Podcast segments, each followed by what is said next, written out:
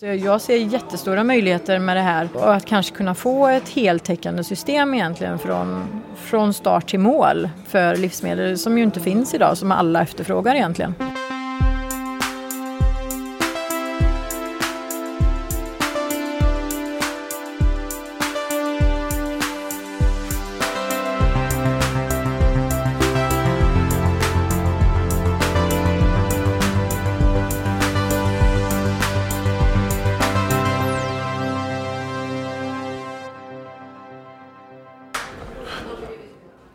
Ja, det här är framtiden. Vi är på Grand Hotel idag ehm, med Cecilia Rygård och Tommy Jakobsson. Vi ska prata lite framtidens hållbara matsystem som vi även jobbar med en, en tidning här på Heja Framtiden. Cecilia till att börja med, du har ju en lång bakgrund inom jordbruk och eller ek, jag skulle tänkte säga ekosystemet, det kan man inte säga. Men ekologiskt jordbruk.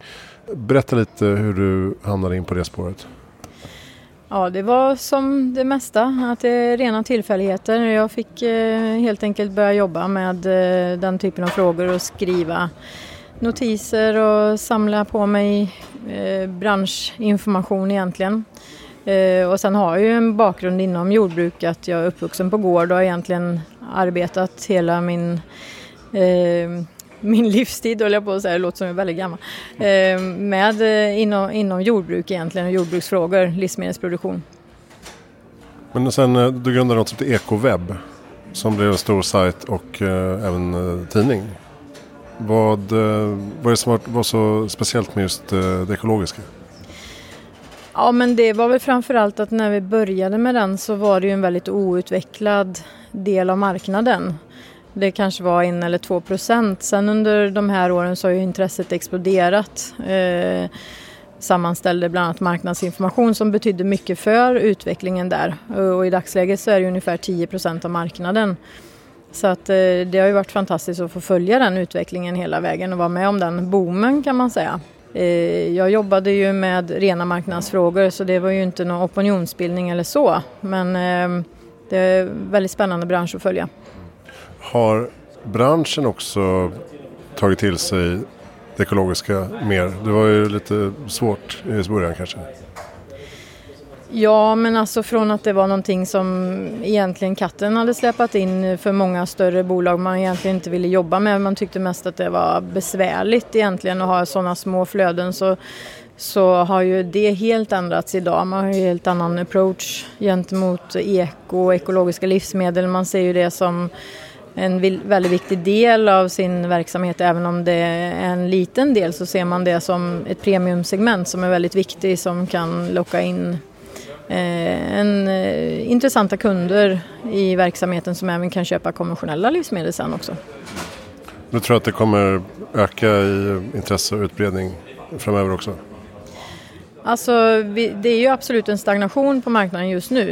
Eh, det fin marknadsandelen ligger på ungefär 10 procent och jag tror att eh, utvecklingen för 2019 har nog bara varit någon enstaka procent när det väl sammanställs. Då.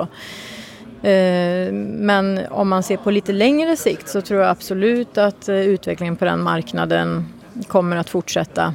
Ehm, vi har ju en världsmarknad som växer med ungefär 10 per år och har gjort eh, under lång tid. Så att eh, det finns väldigt mycket mervärden i ekologisk produktion och för ekologiska livsmedel som går mycket hand i hand med det dagens konsumenter vill ha. Det gäller också i eh, globala sammanhang. Alltså, jag tänker eh, besprutning av insekter och sådär. Att det kan bli komplicerat att göra det ekologiskt.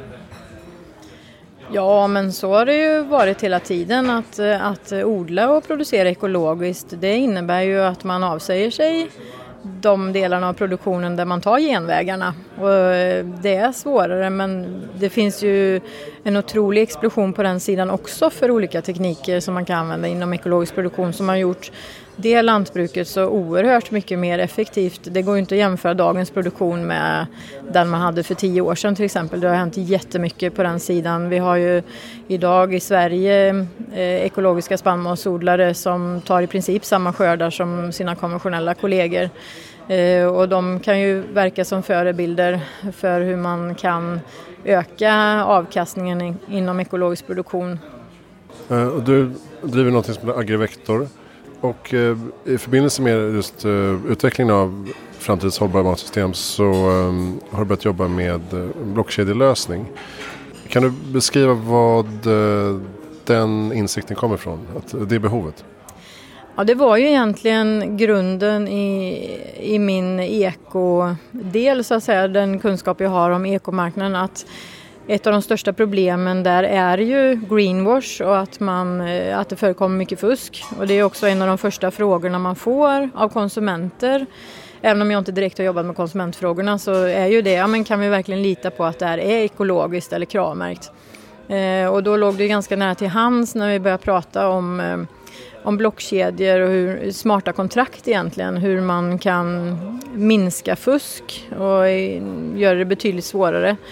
Eh, och då såg jag ju värdet i det för ekobranschen egentligen i första hand. Sen när vi började skrapa lite mer på den ytan så såg vi ju så oerhört många andra mervärden som där också skulle kunna tillföra inte bara ekosidan utan hela den konventionella produktionen också eftersom eh, mjukvaruutvecklingen inom jordbruk och livsmedelsproduktion är väldigt eftersatt.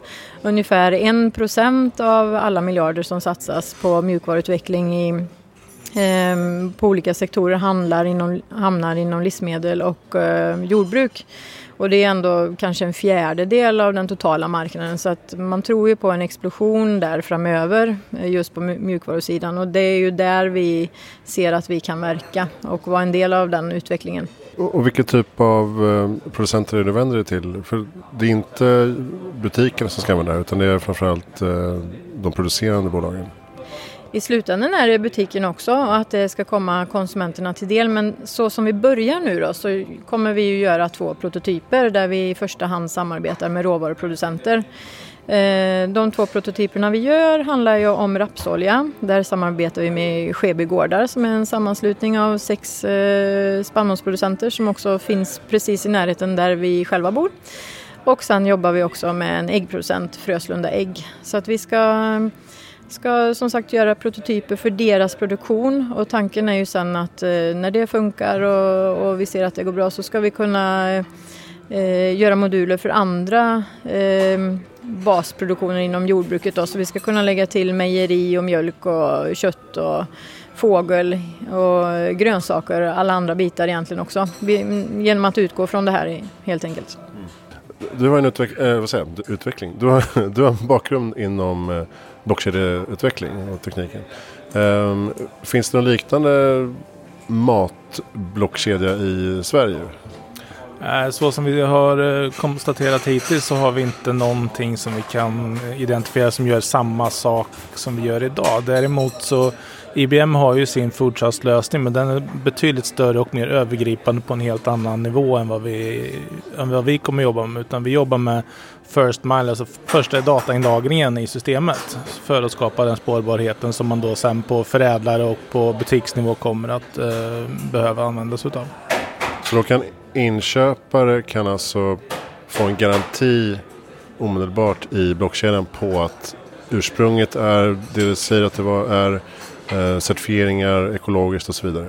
Ja, du kommer kunna direkt identifiera vad som finns i den produkten som du köper in och varifrån den kommer och att den har liksom blivit producerad på rätt och korrekt sätt. Så den stämmer.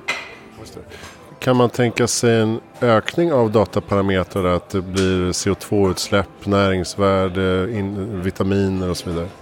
Ja, det kan absolut göra. Vi har redan tittat på om man kan skapa någon form av hållbarhetsindex utifrån eh, den datan som vi får in där man även kan lägga in då CO2 exempelvis hur saker och ting har blivit producerat och då ackumulerat upp till den slutgiltiga produkten så då kan du se vilken miljöpåverkan den här produkten har haft. Hur tror du att det kommer se ut rent praktiskt för eh, producenten. Då? Istället för en massa pappersarbete så blir det att man lägger in informationen digitalt direkt och eh, det lagras på blockkedjan. Finns det ett gränssnitt liksom, som ni jobbar med? Ja, vi kommer jobba med ett gränssnitt som du, du har egentligen med dig din mobiltelefon som du alltid har med dig i övrigt. Eh, du registrerar datan just där du står. Där. Du behöver liksom inte fundera på när du kommer tillbaka till kontoret vad var det jag gjorde där ute utan du registrerar enkel, snabb, smidig data på plats direkt och då ackumuleras det till ett, eh, den totala eh, dokumentationen. Då. Och vad är det för typ av eh, blockkedjelösning ni jobbar med? Vi jobbar med Hyperledger Fabric som grundläggande blockkedjelösning som plattform. Varför går inte det här fortare i Sverige tror du? Man pratar mycket men det är inte så mycket praktiska applikationer.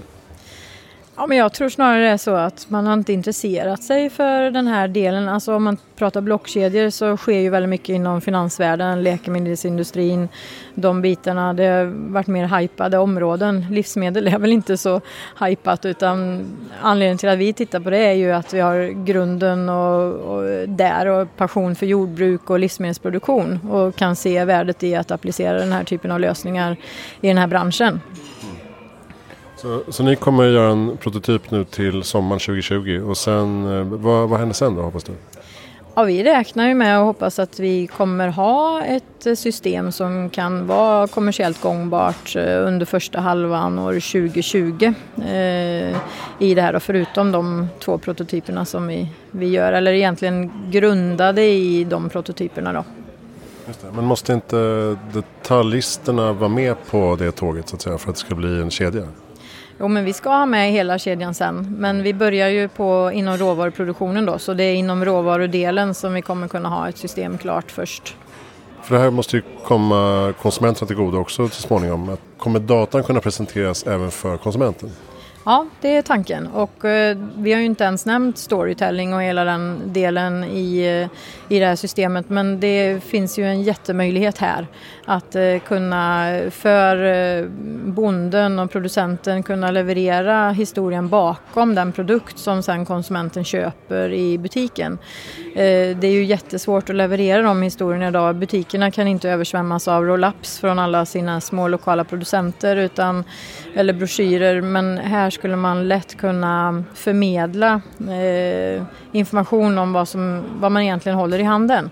Och det är väl också ett av de stora värdena vi ser i det här systemet. Det är också jätteefterfrågat av konsumenterna. Det finns väldigt stor grupp som vill veta mycket mer om vad man äter och vad det innehåller, hur har det hanterats, eh, vad, vilket djur är det som ligger bakom det här till exempel.